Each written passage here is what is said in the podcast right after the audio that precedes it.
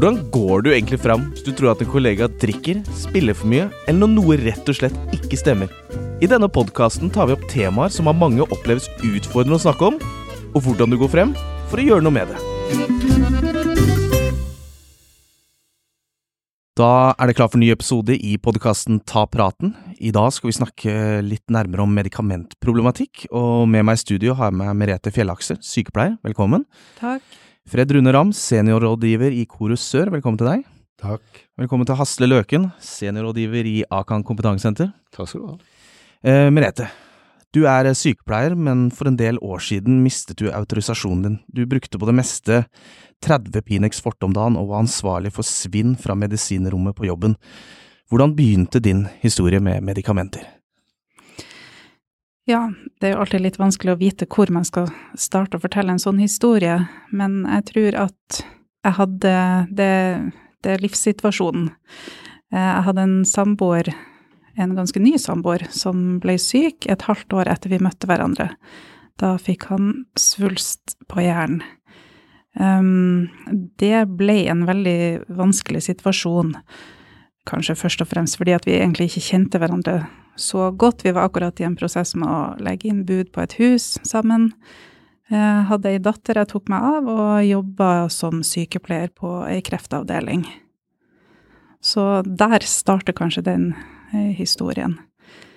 I starten var det vel altså reelle fysiske plager ut ifra den situasjonen jeg var i. Jeg hadde mye vondt i hodet, jeg hadde vondt i ryggen. Jeg fikk foreskrevet Pinex forte av legen min. Ehm, og etter hvert oppdaga jeg at det var, det var behagelig å ta to Pinex forte og legge seg på sofaen, og ikke kanskje helt forholde seg til virkeligheten. Ja. Hasle, hva tenker du arbeidsplassen kan gjøre for å forebygge blant annet medikamentproblematikk? Ja, det er jo, det er jo utfordrende, for det er jo Nå er jo din historie eh, dramatisk i den forstand at du er sykepleier, og at, eh, at det ble en sak ut av dette. Jeg tenker jo at eh, jeg tror jeg leste noe i eh, Reseptregisteret, at i 2018 så var det 2,5 million som brukte medisiner, enten smertestillende eller beroligende eller sovemedisiner. Mm. Så dette er jo noe som de aller fleste av oss bruker i perioder fordi vi på en eller annen måte trenger det. Og hvordan på en måte alminneliggjøre dette på et eller annet vis, at en kan prate om det, det synes jo jeg er en stor utfordring. Også selvfølgelig hvordan en eventuelt kan oppdage eh, når det blir ja, et problem så tidlig som mulig. Mm. Eh, jeg vet ikke hva du tenker om det, men jeg tenker at eh, alkohol, det bruker vi jo for at vi ønsker å få en virkning. Jeg tror de som sier at ikke det har, ikke det har en betydning, de tror jeg, de tror jeg ikke på. Mm. og bruker en illegale rusmidler, så er det jo også for å få en rusvirkning. Mens de aller fleste som har fått en, et problem eller medikamentavhengighet, har jo ikke gjort det for å ruse seg. Og Derfor så på en måte er dette litt sånn stigmatiserende når det da blir oppfatta som at man har misbrukt. Mm. Jeg vet ikke hva du tenker om det? Jo, jeg tenker det er kjempeviktig det du sier akkurat der. Etter det jeg sjøl har erfart, så tenker jeg det at ofte Altså, jeg tror ingen har starta å bruke medikamenter i den hensikt at nå skal jeg bli avhengig av det. Det tror jeg ikke egentlig har skjedd. Jeg tror at det er på en måte en konsekvens av de medikamentene. Du blir avhengig, enten du vil eller ikke. Men det med å på en måte få den type informasjon egentlig liksom tidlig, kanskje fra den som skriver ut medisin, at bruker du det her liksom daglig over lang tid, så oppstår det en avhengighet.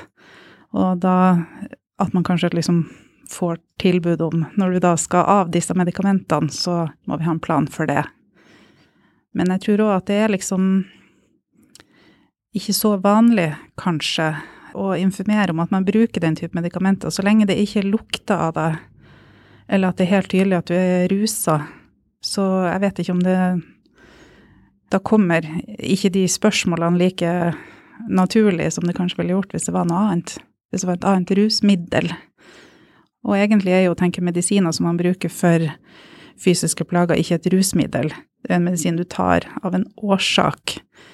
Men de har òg potensial til å misbrukes, da, som på en måte ble min situasjon etter hvert.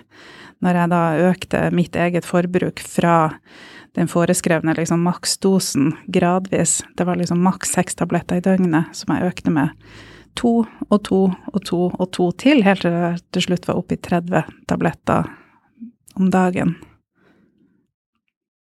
Ja, og, og jeg, altså, det er jo, Vi snakker om disse vanedannende medisinene, men vi må jo huske på at det er mange andre medisiner også som ikke er vanedannende, men som også har direkte konsekvenser for arbeidslivet, for oppmerksomhet, for evnen til å, å lære, altså å huske ting, og ikke minst fysisk. Altså, så vi, Nå snakker vi om de vanedannende, og din historie er veldig dramatisk når det gjelder de vanedannende, men vi skal huske på at det er veldig mange som går på medisiner som har effekter som går ut over jobben. Det er, det er liksom, vi må, vi, må, ikke bare forholde oss til de vanedannende mm. medisinene, selv om det er det vi ofte tenker på først og fremst. Det er veldig mange som bruker medisiner som er i arbeidslivet, og som får konsekvenser for jobben på en eller annen måte. Så er medisiner helt annerledes enn andre rusmidler. De er legale, og så, de er jo forskrevet. Man starter jo av en eller annen grunn, og den er medisinsk grunn som regel. Det er en grunn til at du får medisinene.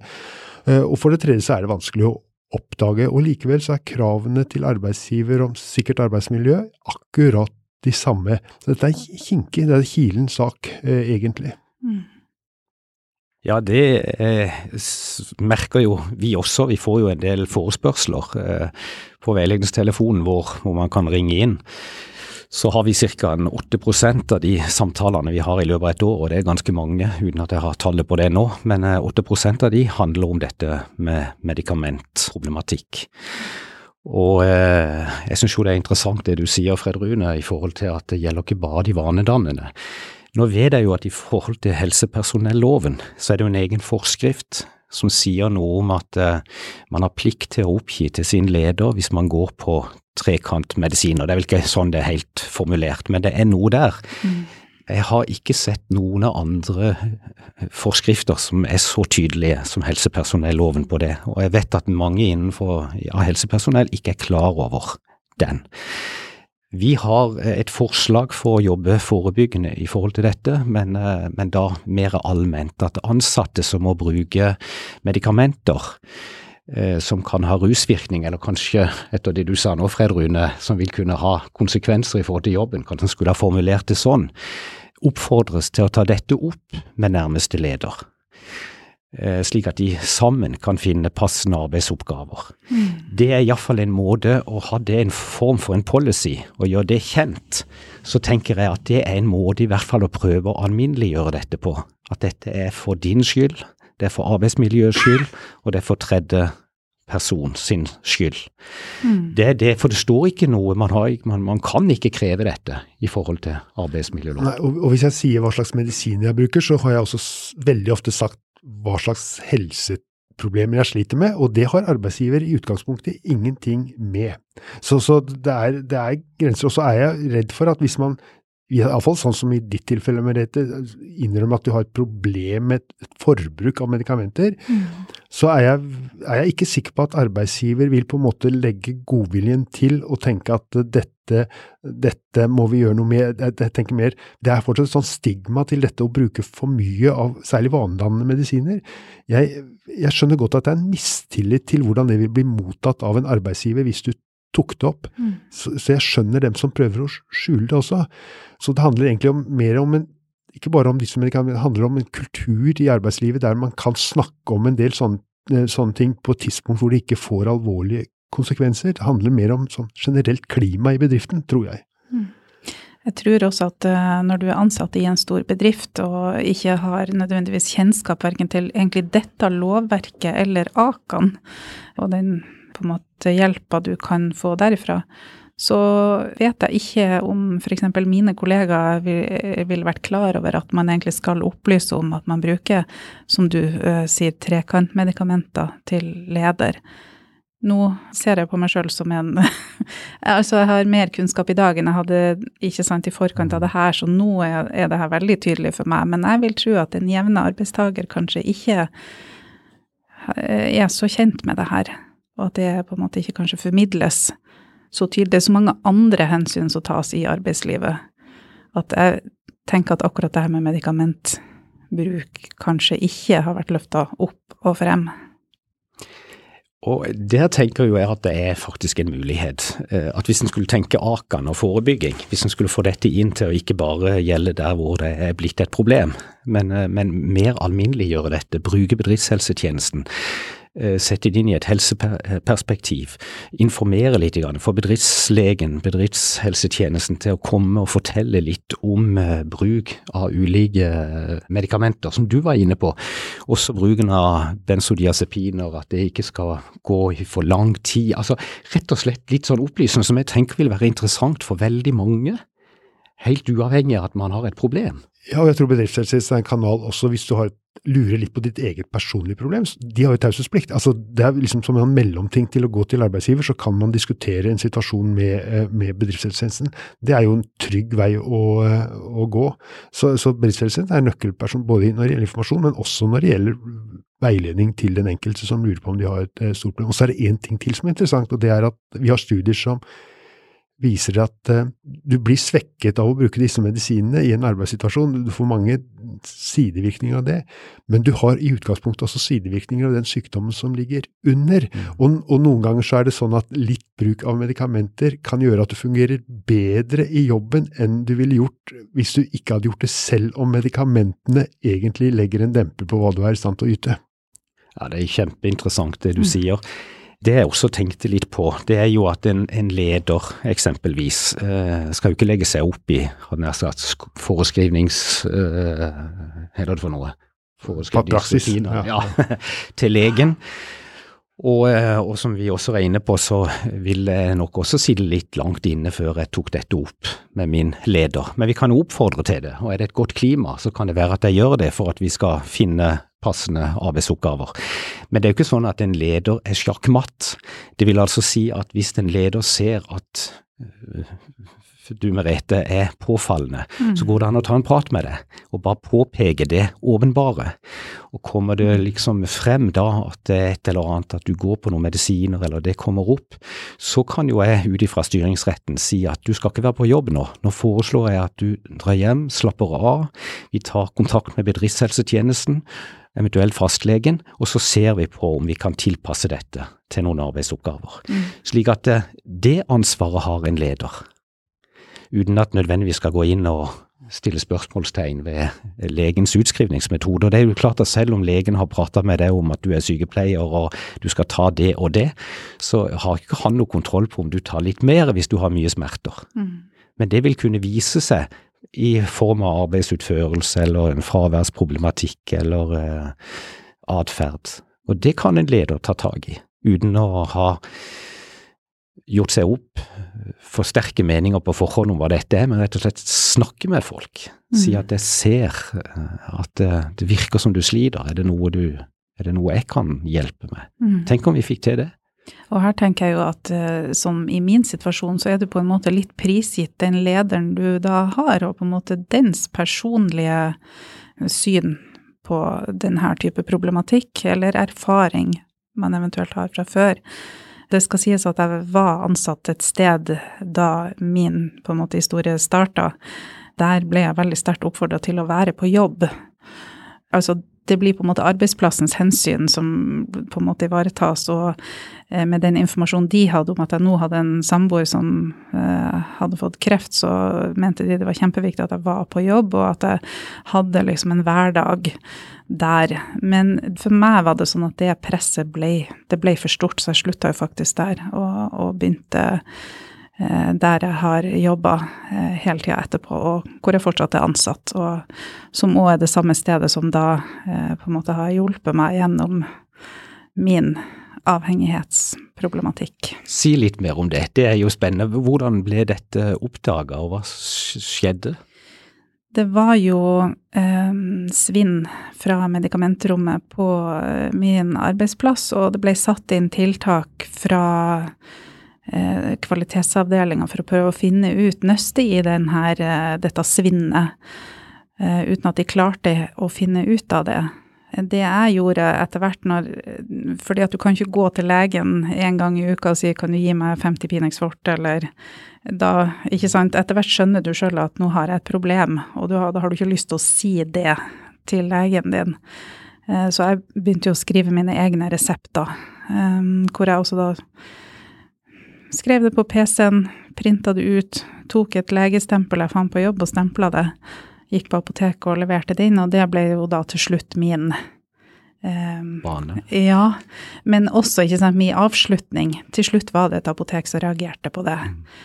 Eh, og da ringte de til den legen som da sto på den resepten jeg hadde skrevet, og spurte eh, stemmer det her, hvor da vedkommende lege sa at det stemmer ikke, som igjen tok kontakt med sin leder og sa jeg fikk en telefon fra apoteket, det her er jo en som er ansatt her, hva gjør vi med det her, liksom? Som da igjen tok kontakt med min leder, og så ble jeg kalt inn til et møte med henne. Og det var veldig sånn, hva skal vi si, undercover, følte jeg. Jeg ble kalt inn, vi hadde møte ikke der jeg vanligvis jobber, det var egentlig ingen som så at jeg kom dit. Kun oss to på tomannshånd, hvor hun på en måte presenterte fakta. Vi fikk en telefon fra et apotek som reagerte på den resepten. Jeg vet ikke om det her stemmer. Om det stemmer eller ikke, så er det her på en måte saken nå. Nå blir vi nødt til å ta dette videre til eh, å melde det inn til fylkeslegen. Sånn ble det presentert. Jeg ble aldri stilt i noen situasjon hvor jeg verken måtte forsvare meg eller bortforklare det. Hun, hun bare sa veldig tidlig og tydelig at uansett om det her stemmer eller ikke, så anbefaler jeg deg å ta kontakt med familie eller venner eller noen som kan gi deg støtte, for uansett så er det her noe du opplever akkurat nå. Så jeg tror hele den måten å på en måte ta grep om den situasjonen fra lederen min sin side gjorde at jeg tror jeg bare skjønte at nå er det over. Nå er dette Nå er jeg oppdaga, nå er jeg tatt. Nå øh, har jeg ikke noe annet valg, sånn som jeg så det, enn å legge alle kortene på bordet. Som jeg da gjorde i et seinere møte. Men første, det første møtet med henne har jeg tenkt på at var kjempeviktig for meg. Det var veldig viktig å bli møtt på en måte hvor du ikke, hun var ikke sint, hun var ikke anklagende, så hun presenterte det på en måte nøytralt og litt sånn uh, at uh, det var ingen som lurte på hvorfor, hvorfor var Merete innom jobb. Hun er jo i permisjon herfra, hvorfor hadde Ikke sant, det ble ingen spørsmål fra andre. Så, så det har jeg tenkt på, at det, hvordan blir møtt det er kjempeviktig. Så kult, og det tenker jeg jo har noe overføringsverdi til andre situasjoner. Mm. Sånn i forhold til det med å ta opp den type ting. En kollega med, tidligere kollega med skrev en, en, en sånn, hadde en rapport i forhold til en del sykepleiere som hadde mista autorisasjonen, og Du av alle heter den. Og Der refererer hun annet til én måte som ble møtt på, det var som overlegen som kom ned og sa å ja, er det du som er tyven? Og når hun var på vei hjem, så, så, så fikk hun beskjed på SMS at by the way, vi har anmeldt det til politiet. Og hvor hun da eh, rett og slett tenkte har jeg kortet inn, altså har jeg fremdeles eh, nøkkelkortet, og, og, tenkte at nå ville hun dra inn og, og ta en, en, overdose med tabletter. Mm. Hun kom på andre tanker og tok på seg joggeskoene og løp ned til et psykologkontor. Eh, psykologen var på vei ut, men skjønte dramatikken og snudde seg. Og der starta en helt annen situasjon. Men det var òg en måte å møte dette på. Mm. Så du har vært heldig, tror jeg. Det er jeg veldig klar over. Jeg tar det ikke som en selvfølge at man skal bli møtt på en sånn måte, eller jeg tenker det kunne man ikke tatt for gitt. Det var veldig heldig for meg at akkurat denne personen var min leder akkurat da det her skjedde, og at, og at hun gjorde det på den måten. Eh, jeg har jo fått informasjon i ettertid om at de hadde hatt et møte i forkant av det møtet som hun hadde kalt meg inn til. Og jeg husker at jeg kjente at jeg syntes det var ubehagelig. Det var ubehagelig å vite at de hadde sittet i et slags ledermøte med andre avdelinger, sikkert HR og, og kvalitetsavdelinger, og litt sånn du skjønner at det er liksom folk som jobber i direktøren sin gang, at de hadde hatt et møte om meg, og liksom hvordan, hva de skulle gjøre videre med denne saken. Og fikk det jo en del konsekvenser for deg, men hvordan mm. var det en lett, altså Du måtte jo vite at du var på gale veier. altså Var det en lettelse å på en måte bli avslørt? Du visste jo at du kunne ikke fortsette å mm. øke inntaket. Nei, det er helt riktig. Ja, det var en kjempelettelse. Mm. Det var det, altså. Jeg dro hjem derifra jeg, Altså, jeg visste hva som kom før jeg gikk inn i det møtet. Jeg tenkte det, det er ikke mange grunner til at du blir kalt inn på et møte med lederen din når du er i permisjon. At det er så viktig at jeg måtte gå og ringte meg kvelden før og ba meg komme neste dag. Jeg tror at i løpet av de timene så jeg var forberedt på at det kan hende det har noe med dette å gjøre. Når du da blir avslørt, så i hvert fall var min reaksjon Først så falt jeg på en måte liksom helt sammen, eh, og du er på en måte glad for at det er oppdaga, samtidig som det starter en, en rekke med masse nye andre utfordringer som du ikke helt har tenkt på eller forholdt deg til skikkelig før du sitter der. Hva skjer med jobben min? Hva skjer med skolen jeg gikk på? Jeg hadde jo starta på en videreutdanning som jeg tenkte nå må jeg også slutte på den. Hva skjer med dattera mi? Kanskje jeg meldes til barnevernet? Altså mange ting ja, jeg ikke hadde tenkt på før. Som, eh, og jeg husker at jeg òg har tenkt at jeg har sittet i møte med advokat uh, i forbindelse med denne saken og tenkt at nå hadde jeg jo virkelig trengt de tablettene. Mm. Dette er vanskelig. Mm. Um, så uh, samtidig som man er veldig letta for at det skjer, for, eller at det blir oppdaga eller avslørt, fordi at jeg hadde jo da ikke klart å komme meg ut av det sjøl frem til da. Mm.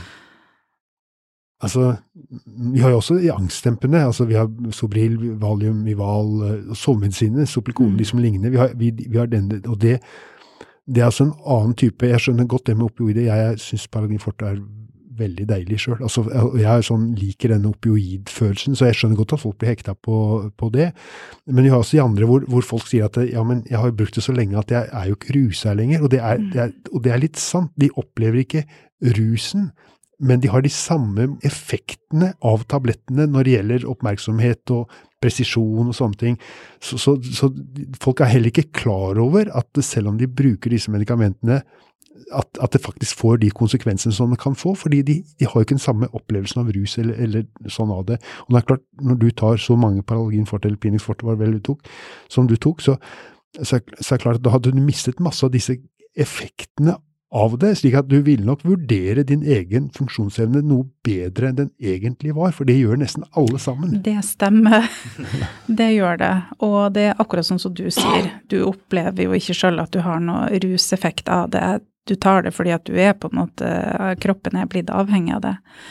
Men eh, når jeg da slutta med de tablettene gradvis eh, og trappa ned, da, da oppdager du igjen at den følelsen jeg har hatt inni kroppen eh, liksom all den tid før det her, det har vært påvirka av disse medikamentene. For plutselig så blir, all, blir alle følelsene veldig tydelige, f.eks.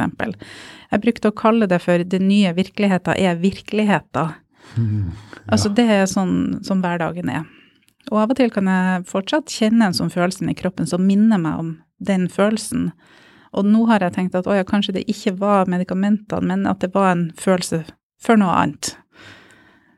Tenker du at arbeidsplassen kunne ha oppdaga dette? Altså kunne hva, hva, kunne arbeidsplassen ha gjort for at dette eventuelt skulle ha blitt oppdaga tidligere? Mm. Har du noen tanker om det? Jo, det har jeg tenkt mye på. Jeg har òg hatt venner som har spurt meg, de har vært veldig overraska over at jøss, gikk du på så mye medikamenter? Og så har de ledd litt av at jeg tok en Ibux e hvis jeg hadde vondt i hodet.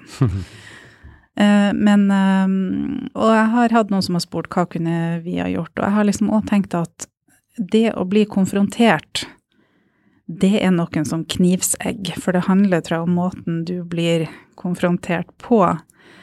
Det siste du vil gjøre, tenker jeg, er kanskje å plassere en person i min situasjon som jeg var i da, eh, hvor man må bli til å forsvare seg sjøl. Altså, det er ikke noe hensiktsmessig for videre progresjon på en måte, for å klare å komme ut av sånne ting. At du, at du blir stående i en situasjon hvor du må forsvare din egen eh, avhengighet eller forbruk, eller kall det hva du vil. Så jeg, jeg, har liksom ikke kommet på hvordan det her kunne vært gjort annerledes enn at det ble som det ble. Og jeg tenker at når jeg var avhengig, så jeg gjorde alt jeg kunne for å skjule det. Og antageligvis gjort en ganske grei jobb, i og med at det kunne pågå den stunda det gjorde, da. Men uh, jeg har ikke noe Nei, Jeg skjønner. Nei, det er jo interessant. Du hadde jo en faglig bakgrunn som gjorde at du, du visste jo litt mer om hva du drev med enn en folk flest også. Men Mm. saken din er litt interessant også sånn, med sånn IA-perspektiv. fordi på den ene siden så brøt du åpenbart loven. Altså Mm. du, du trikset og fikset, har en juridisk side, og, og, og en oppsigelsesgrunn i seg selv. Det er helt riktig. Eh, Men samtidig, som en IA-bedrift, så, så kan man si at årsaken ligger i personlige problemer eller avhengighet, og da har de plutselig et ansvar for å ta vare på deg. Det, den, så her kunne egentlig bedriften valgt to forskjellige løsninger på den saken her, og jeg må, si at den du beskriver, sånn som du er jo fortsatt i jobb, du er, altså det, fun, det funker jo bra, ikke sant, Mm. så det, det tenker jeg at de valgte da noe som på en måte var virkelig inkluderende, Eh, mens det kunne vært eh, Det kunne veldig lett blitt det motsatte, og veldig mange reagerer på ryggmargsnivå når det er snakk om sånne saker. ikke sant? Det er ut med vedkommende. ikke sant? Altså det, det er denne refleksen man har, uten å tenke på at det, ja, men det er jo en eller annen grunn til det. Mm. Og din, ditt eksempel er jo på en måte litt ekstremt, men jeg tror at det er så mye hverdagsbruk av medisiner. Jeg, jeg er opptatt av det som man ikke tenker på at har konsekvenser. Tar du to valium om, 5 mg valium om dagen, tror jeg, så har du en reaksjonsevne tilsvarende 0,5 eller 1, altså mellom 0,5 og 1 i promille. Altså sånn at Og du merker ikke rusen i det hele tatt, så folk tenker ikke engang på at de må, må, må si ifra om det. det er, altså jeg tror at det, det er veldig mye av sånne ting. Også må vi nødt til å diskutere litt legens rolle. Mm. Arthur Kleiman han sier at vi behandler sykdommen og ikke den syke. Og det syns jeg passer veldig godt, fordi hvis legen, legen er opptatt av din helse, og sikkert forskrevet liksom, at det var smerte og, og sånn helt Jeg betviler ikke at det er riktig gjort, men hvis han hadde tenkt litt videre og sagt ja, men hva betyr det for din funksjon på jobben, i livet, altså behandle, behandle Merete istedenfor akkurat denne diagnosen, så ville du sannsynligvis kunne problematisert dette på et veldig, veldig mye tidligere eh, tidspunkt. Så, så at leger skal begrense seg til på en måte å behandle diagnosen, det er det, kan, det kommer tilbake som en bumerang noen ganger for noen folk. altså Det, det rammer dem mer enn det hjelper dem. Så, Mm. og Det syns jeg er et eksempel på noen av disse forskrivningene av medikamenter. Og jeg har vært i situasjonen, så legens primære oppgave er jo din helse. Eller kanskje vi skal si at er det ditt totale funksjonsnivå, de, altså velbefinnende, er, er, hva, er det viktigste for, for legen? Det syns jeg leger bør kanskje tenke. Hvis man skriver i medisin sånn, ja, hvordan, hva slags jobb har du, Merete? Er det Mm. forenlig med jobben din? Har du diskutert med arbeidsgiver? Altså Den type spørsmål, så at du iallfall fikk luftet det. Og jeg mener jo fortsatt at det ikke er alltid du skal si det til arbeidsgiver. Jeg må si selv om det er lov med, altså for, for det, det er som du sier, tilfeldigheter. Du vil ha denne lederen, Mm. men du vet jo egentlig aldri hva slags leder du har foran deg, og hvordan denne lederen vil reagere på budskapet. Mm. Du visste jo sannsynligvis når dette ble oppdaga at dette ville få konsekvenser. Mm. Hva, hvilke konsekvenser fikk det i ditt tilfelle? Ja, det var jo det som jeg nevnte litt her tidligere. Jeg begynte å se for meg at eh, nå mista jeg jo jobben, og jeg må også slutte på skolen, for du kan heller ikke ta videreutdanning hvis du ikke har autorisasjon. Og når du da ikke har autorisasjon og kan jobbe som sykepleier, så kan jeg jo heller ikke bruke den utdannelsen jeg har. Jeg har heller ikke noe annen erfaring fra arbeidslivet enn fra helsevesenet. Eh, og jeg begynte allerede da å tenke hva vil de spørre om hvis jeg søker en jobb i en butikk, f.eks. Hvorfor jobber du ikke der? Og så tenkte jeg da vil jeg kanskje komme i situasjoner hvor jeg blir på en måte liksom tvungen til å fortelle om det her. Eh, en stund tenkte jeg må bare flytte til utlandet. Jeg kan, ikke, bo, jeg kan ikke bo i Norge fordi at eh, det området jeg jobber for innen helsevesenet er så lite, og det er så, jeg føler at det, man kjenner hverandre på tvers av eh, sykehus man jobber på, man hører om de forskjellige, så jeg syns det her var, det var liksom det sånn jobbmessige var kanskje det første jeg tenkte på. Hva skal jeg gjøre med det? Og det var liksom et kjempestort problem som jeg da hadde fått. Og så var det jo det med dattera mi, og hvordan skal jeg løse den, den her biten. Uh, I tillegg uh, Nei, nå glemte jeg hva jeg tenkte på. Hvordan løste du det? Jeg fikk vel informasjon fra Helsetilsynet når det var gått en stund og saken min var meldt dit om hva jeg måtte gjøre. Da tror jeg det var gått et halvt år. Da hadde jo jeg slutta med alle medikamenter for fem måneder siden. Eh, Så da følte jo jeg at det var gått kjempelang tid uten at jeg visste noe. I retrospekt så tenker jeg nå at ja ja, fem måneder, ikke sant, i det store bildet er det ikke så mye, men akkurat der og da føltes det kjempeviktig å få begynt og gjort noe med en eneste gang dagen etterpå, nesten. Så jeg på en måte omfavna situasjonen kanskje med begge hender, og begynte på punkt én og fulgte liksom lista. Jeg gikk og tok urinprøver en gang i uka. Jeg var på møter med Helsetilsynet og arbeidsgiver, og vi prøvde å finne ut hva kan jeg gjøre? Kan man jobbe innenfor helse uten autorisasjon? Kan jeg jobbe som en assistent i avdelinga? Og det ble jo på en måte løsninga mi til slutt. Eh, jeg mista autorisasjonen elleve måneder etter det her ble oppdaga. Og når det da var gått ett år siden det ble oppdaga, da var jeg tilbake på samme arbeidssted, men som assistent på avdelinga. Så da måtte jeg informere alle jeg jobba med, eh, at jeg nå ikke hadde autorisasjon lenger, og at jeg ikke kunne kalle meg sykepleier. Og jeg kunne heller ikke utføre arbeidsoppgaver som krevde autorisasjon. Og jeg grua meg kjempemye til den første dagen jeg skulle på jobb og skulle gjøre det her. Jeg dukka opp liksom på morgenmøtet klokka halv åtte og måtte informere da mine kollegaer som jeg hadde hatt eh, og trodde at jeg var tilbake fra permisjon og nå var ferdig videreutdanna og så måtte jeg heller sitte og si at jeg har mistet autorisasjonen, jeg, jeg, kan ikke si jeg er sykepleier. Og bare en sånn liten ting som man ikke har tenkt på, som f.eks. det når du skal svare telefon når du er på jobb, eller ta en telefon. Du er vant til å si det sykepleier Merete ringer fra, kunne du plutselig ikke si lenger. Og når folk òg da ringte inn til avdelinga og jeg besvarte telefonen, og de spurte er du sykepleier, da måtte jeg si nei. Mm. det var kjempevanskelig. Mm. Det var veldig Jeg hadde jo så lyst til å si ja, men jeg kan hjelpe deg med det du lurer på, eller Men eh, ja, så sånn, sånn var det. Jeg var jo liksom forberedt på at kollegaene mine Eller jeg hadde en forestilling om at de rundt meg kommer til å være sint på meg, og det er kanskje den absolutt motsatte av det jeg da har opplevd. Jeg har på en måte trodd den tida jeg var avhengig, og når det her da på en måte kom for en dag, at folk kom til å være sinte på meg og være veldig skuffa. Og det var det jeg skulle bli møtt med, så det var det jeg var forberedt på. Jeg hadde tenkt ja vel, hvis jeg vil ha en jobb som assistent, sånn at jeg har ei lønn og har muligheten til å komme tilbake, så da får jeg bare tåle å sitte alene og spise lunsj. Det må jeg bare holde ut. Det var liksom min tanke. Så Men det skjedde ikke? Nei, det skjedde jo absolutt ikke. Egentlig ble jeg omfavna av kollegaer, og jeg tror aldri jeg har fått så mange klemmer en dag som jeg fikk den første dagen på jobb.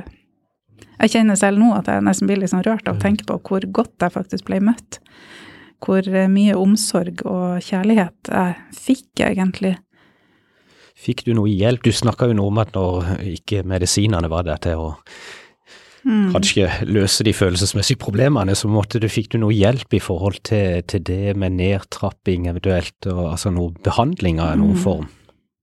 Jeg gikk jo Jeg ble Altså, da jeg kom til legen min, eh, som hadde da skrevet ut eh, resepter på Pinex Forte, og sa dagen etter dette møtet med min leder at jeg er blitt avhengig, og jeg har hatt et møte med sjefen, og jeg trenger hjelp så uh, tror jeg han tok noen telefoner, for, og han sa til meg jeg vet egentlig ikke helt hvordan man hva, liksom, hvordan, hva gjør vi med det her? Så han, Og det var fredag, og jeg tror jeg hadde siste time, det var sånn klokka kvart over tre. Det er jo så typisk at det skjer da. Da skal du prøve å ringe rundt og spørre de som har ekspertisen. Så han ringte vel til to sånne behandlingssteder for å spørre om råd. Og han fikk traff på et menneske som fortalte han hvordan det her kunne gjøres. Da. Så vi fikk, jeg fikk en nedtrappingsplan, og eh, jeg ble henvist til eh, behandling i spesialisthelsetjenesten, mm. som et sted som driver med behandling av medikamentavhengighet. Så der gikk jeg jo i over et år. Ja. Når jeg spør om det, fordi at eh, det ligger jo Du har jo denne dobbelte målsettingen i, i Akan, altså forebygge, og så gi et tilbud om, mm. om hjelp. Uh, og uh, vi snakker jo da om en som individuell Akan-avtale, og jeg tenker akkurat i forhold til denne problematikken her, hvor viktig det er å koble på fastlegen.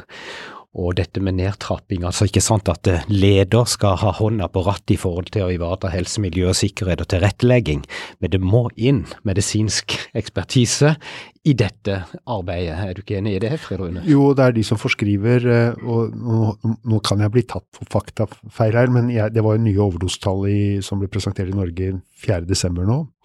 Og på et seminar i Helsedirektoratet den 10., hvor jeg bare har fått en sånn litt muntlig overlevering, så, så, tror jeg de pekte på at leger raskere hopper på opioid, altså sterke smertestillende enn de gjorde før. Altså de hopper litt lettere over disse mildere smertestillende. Så det er en trend på en måte til forskrivning av sterke smertestillende som kanskje øker, og i USA har jo dette vært helt ekstremt, hvordan man går rett på opioidene. Så fikk jeg høre noe sånt at ja, men er, begynner vi å gå litt i samme retningen i Norge? Så, så, det er absolutt betimelig også å på en måte se hva, hva legene gjør, og hvordan de tenker rundt, uh, rundt disse tablettene. Men du, hvis du har en fastlege som ikke samarbeider, da er du litt fortapt. Du må, du må nødt til å ha fastlegen med i, i prosessen, altså. Mm. Jeg var jo i kontakt med fastlegen eh, eh, ofte etter det her på en måte kom opp, og det var der jeg følte jeg fikk oppfølginga mens jeg venta på å bli, få komme inn på, på det her behandlingsstedet. Men uh, jeg tenker også når du er medikamentavhengig, det er på en måte litt sånn godt å komme til et sted hvor du kjenner til problematikken og ting du vil møte på. Du har egentlig ingen erfaring med hva vil det si å liksom uh, trappe ned, hvilke utfordringer kan dukke opp, hva kan jeg møte på? Så det er på en måte et Istedenfor å tenke at det er en slags straff, ikke sant, at du må, må gå i behandling, hermetegn, så tenker jeg det er jo et tilbud til meg som sliter med dette. Altså det synet har forandra seg etter jeg har vært igjennom. Ikke sant, det er noe med Og jeg tenker jo også nå, vet ikke hva slags opplegg du hadde en fantastisk arbeidsplass, du hadde en fantastisk leder, du ble tatt imot på en fantastisk måte, du har gjort en kjempejobb. Det er nok mye, mye handler selvfølgelig om det i, i, i forkant. Jeg tenker jo på en måte viktigheten av å få til et samarbeid i, et, eh, i en sånn individuell Akan-avtale, og at det kan være ganske utfordrende. Men, eh, men så viktig å, å, holde det fram, at det er faktisk en mulighet for å få hjelp uten å måtte miste jobben. Mm. Eh, I de tilfellene så ville det vært lett å si deg opp. Mm. I en del andre sammenhenger så, så er det en del muligheter. Selv i din spesielle situasjon så fant man en annen løsning. Og det syns jeg er noe veldig ja, gir, gir, gir, håp i denne situasjonen. Det gjør det, og jeg har jo blitt kontakta av eh, Jeg vet om en annen sykepleier som hadde samme problematikk, hvor eh, vedkommende da ble eh, fikk sparken på dagen når det her ble oppdaga. Men da, gjennom min sak, fikk han arbeidstrening et, ved et annet sykehus Eh, gjennom Nav, og hvor den lederen hadde hørt og lest om min sak, og da var villig til å prøve å Altså litt sånn annen vinkel på ikke vi har et problem, men nå skal vi prøve å hjelpe et, et menneske, medmenneske, tilbake mm. i jobb. Og han jobber fortsatt på samme sted med en ny leder som Så, så jeg er litt redd for at jeg skal gjøre dette til et spørsmål om avhengighet. Det er klart På et eller annet tidspunkt av disse avhengighetsskapende midler, så, så blir man hekta. Altså, det er liksom på en måte uunngåelig, man, man, blir hektet. Men, men, alle disse som bruker litt, og da tenker jeg på den forebyggende effekten til Akan, mm. altså de som bruker altså ethvert medikament som kan ha konsekvenser for, for, jobben, hvordan vil bedriften håndtere det? Og jeg vet ikke, du har kanskje sikkert tanker om det. Hvis, hvis du bruker jeg har brukt tre Sobril, 15 mg Sobril daglig i alle år, ikke sant, så, så, så får det konsekvenser for jobben. Men, men altså, den forebyggende effekten av at også det har betydning. Altså, vi, vi, vi, snakker om avhengigheten, det er liksom der hvor vi tradisjonelt tenker Akan, men det forebyggende arbeidet er alt som på en måte av, av midler som kan true arbeidssikkerheten, og, og tenker at medikamenter bør plakaten på en annen måte, ikke bare fordi man frykter avhengighet, men simpelthen fordi det får konsekvenser også i mindre doser, altså, mm. uten at man er avhengig. Og, og så er det en ting til, mange av de som er avhengig, føler seg ikke avhengig. Altså, de, de har en annen virkelighetsoppfatning, de føler bare at det er noe de trenger. Ja. Jeg syns det er så utrolig viktig det du sier, og jeg vet jo også man kan til og med snakke om lav doseavhengighet. Jeg har vært borti der hvor man har gått på relativt lave doser, men faktisk er, er blitt avhengig. Så jeg tror jo det er kjempeviktig, og da tror jeg jo noe med å alminneliggjøre dette, eh, snakke om det. Men jeg tror det har Når jeg er ute med Akan, så snakker jeg kanskje mindre om rusmisbruk og rusmisbrukeren, og mer om verdier, holdninger og kultur. Mm. Og det tror jeg, der kan vi gjøre mye. Jeg så en sånn tegneserie som jeg syntes var ganske god. Det var en som hadde sånn hånda i fatle, og så kom det en forbi, og så sier han til han, nei da, jeg har ikke brukket armen, jeg bare sliter psykisk og vil gjerne at folk skal se at jeg ikke har det bra. Så dette er jo litt sånn skamfullt, altså, ikke sant, vi er over, vi kan, det hadde ikke vært noe problem å gå til lederen og fortalt at jeg hadde ofte en sånn fysisk eh, sykdom, mm. men med en gang det er noe psykisk, så er det mye mer touchy, det er mer skambelagt. Mm. Og det, hvordan kan vi jobbe med den skammen, det lurer jeg på, liksom Jeg har sagt uh, øyne som ser, men ikke tyvtitter. Altså mm. på et eller annet uh, få det til. Men det virker jo som du For du trodde jo du skulle bli sittende i et hjørne, du, mm. alene. Det mm. skjedde faktisk ikke. Akkurat det er jo en, på en måte en gladsak, ja. når det først var gått så galt. Men eh, jeg er litt tilbake til det som du sa i forhold til det med medikamentbruk litt sånn generelt, og jeg tenker ikke også bare på helsepersonell, men i andre yrkesgrupper. Jeg ville jo f.eks. ikke latt dattera mi eh, ha kjøretimer hos en kjørelærer som eh, eh tok medikamenter, f.eks. Altså det, er, det, er, mye videre enn akkurat helsepersonell, og mm. mye videre enn mm. avhengighet. Det er, et, det er, et, problem, og det er ikke, det er ikke som, som, som, du sa, så vanskelig, mye mer vanskelig å oppdage det når det er mm. snakk om medikamenter. Lukter ikke og har ofte ikke en spesiell type atferd engang. Altså de, de, har vent seg til medisinen sånn utad, så fremstår de helt ok, liksom. Så, så man må lage et klima rundt dette her som gjør at man kan prate om det. Eh, og så er det forskjell på bedrift. Er det en stor bedrift, så kan du kanskje bli omplassert hvis du bruker medikamenter i den perioden. Mm. Er det tre ansatte, og det er alle sammen samme jobben, så er det kanskje det å måtte være vekk fra jobb eh, litt. Og så handler det om generelt arbeidsmiljø, for du sa at den første arbeidsplassen, der ble du bedt om å være på jobb. Og det er mye som taler for at det å være på jobb er veldig bra, men det å kunne snakke om når er no, no, når blir det som er alminnelig, for mye. Altså det å kunne diskutere og si at jeg, jeg, trenger, jeg vil gjerne være på jobben, men jeg må ha en slakk også. ikke sant? Vi har et arbeidsmiljø som åpner for denne type med individuell tilpasning. Mm. Det tror jeg også er veldig viktig. Så handler egentlig om en sånn generell kultur, et klima på arbeidsplassen. Mm. Og dette ligger jo innenfor det du kalte IA, altså inkluderende arbeidsliv, den avtalen som de fleste arbeidsplasser i dag har. Er jo, det er jo nettopp en sånn tilrettelegging som skal som skal gjøres, og som vi har et ansvar for. Mm. Mm. Det er ikke sant, Veldig mye av det vi sover med medikamenter, kan vi få dårlig søvn. Sovet dårlig, altså Det å kunne si at i natt har jeg sovet dårlig, så sett meg for all del ikke til presisjonsarbeid i dag. altså det, det, det, er noe med å kunne si at i dag er jeg ikke skikket til å gjøre den jobben som jeg er satt til på en god måte. Da må det tas hensyn til det. Og, og den romsligheten tror jeg vi må ha på en arbeidsplass for å unngå en del av, av disse problemene vi får. Jeg, jeg, da tror jeg folk kan være på jobb mer, for jobben er tilpasset personen, og ikke personen som skal tilpasse seg jobben. Og I tillegg så ville vi også slippe den, der, den andre siden ved dette her. Jeg har hatt så fælt på jobb at i kveld må jeg slappe av. Altså det er den andre, altså Så det kan være drivende på et, et, et, et overforbruk av medikamenter dersom man presses for mye på jobben det er jo over, Vi vet det gjelder alkohol, men jeg er helt sikker på at det gjelder medikamenter også. Nå må du hjem og så ta et par tabletter, for det har vært så stressende på jobben. Det å skape dette klimaet som gjør at man kan diskutere og si at nå, nå, klarer jeg ikke mer i dag, jeg må ha litt sånn break, altså ha en arbeidsplass som er litt åpen for at, uh, at jeg har litt behov for å få litt luft innimellom. Det her er jo et kjempestort tema, tenker jeg. For det med arbeidsplass eh, Jeg tenker også på store arbeidsplasser, så har du jo ofte en gruppe mennesker med kanskje mange forskjellige typer problemstillinger som da bør tas hensyn til på ulike måter. Og jeg tenker det trenger ikke å ha noe med om du har sovet dårlig. Det kan være at folk er gravide eller ja.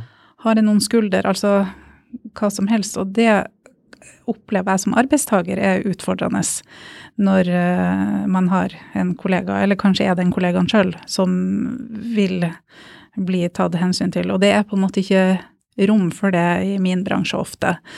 Det er litt sånn at uh, er du på jobb, da forventes det at du kan levere de 100% omtrent som er forventa. Men vi er ikke laget sånn. En dag kan vi levere 120% neste dag så klarer vi kanskje bare 80 og, og, og vi må ha en åpenhet for det. Og så har vi kanskje produksjonskrav som gjør at det er umulig. Så det handler egentlig om, sånn, generelt om hvordan, hvordan, vi vil ha det på jobben. Og, og jeg er helt overbevist om at hvis man legger til rette for disse individuelle forskjellene, også fra dag til dag, så tror jeg at produktiviteten på arbeidsplassen er større på sikt enn om, om, man på en måte kjører folk i senk og så, så kvitter seg med dem, eller at de selv må på en måte prøve å rekreere eller ta tabletter eller alkohol eller sånn for å roe ned. Jeg tenkte på bare en ting når du, når du, når du sier det. altså jeg tenker For eksempel så kan du jo komme i bakrus på jobben på en eller annen måte. altså Litt ubetenksomhet. ikke sant? Altså Vi ønsker jo å forebygge det også. Ja, Det kan du jo ikke ifølge Akan-avtalen. Eller ifølge er det eh, noe sikkert er på tynnis, men er det arbeidsmiljøloven? Jeg vet ikke. Det er i hvert fall ikke innafor å komme i bakrus på jobb. Og det tenker jeg er en sånn verdi. Det er noe som en gjerne en policy en har. ikke sant? Og da er det jo viktig å prate om det. For at hvis en har på en måte snakka om dette i forkant, så er jeg litt forberedt. Eh, så kan du jo si at, og så håper jeg at Og da vil, er det jo sånn at vi blir blitt enige om noe, og det henger på greip så følger vi stort sett det. Hvis man da tråkker feil, så er det jo viktig at en leder da er tydelig på at dette er ikke greit. Da kan du korrigere den atferden. Og gjentar det seg, så har en kanskje oppdaga et problem. Men jeg bare tenkte det kan være mange forskjellige årsaker uh, til at man faktisk var i en type, skal vi si, bakrus. Det kunne også være en ansvarlighet i det. Jeg tenker på den personen som uh, nettopp går hjem, har litt søvnproblemer, gjerne vil klare å stå i jobb tar litt alkohol, kanskje noen tabletter. Altså nettopp for å klare å gå på jobb. Altså Det er intensjonen.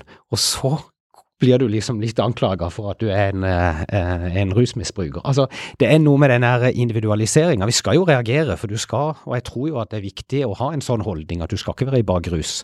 Vi skjønner det når det gjelder helsepersonell og barnehagepersonell og sjåfører, men det bør jo gjelde oss alle på en eller annen måte. Så det å iallfall ha snakka om det, mm. tror jeg er viktig.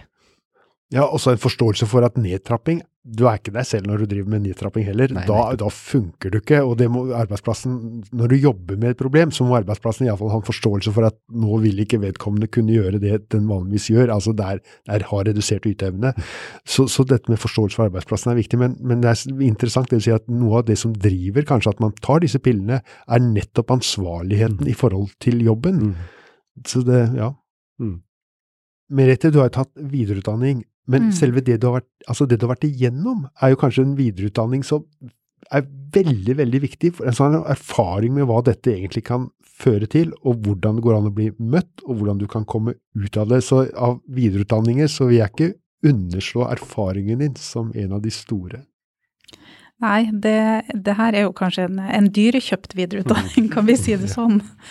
Men uh, den erfaringa jeg har gjort meg, det er jo ting jeg kommer til å ta med meg, og ha med meg litt sånn enten jeg vil eller ikke. For det har forandra mitt syn på en del ting uh, som jeg kommer til å ha med meg gjennom resten av livet, tenker jeg.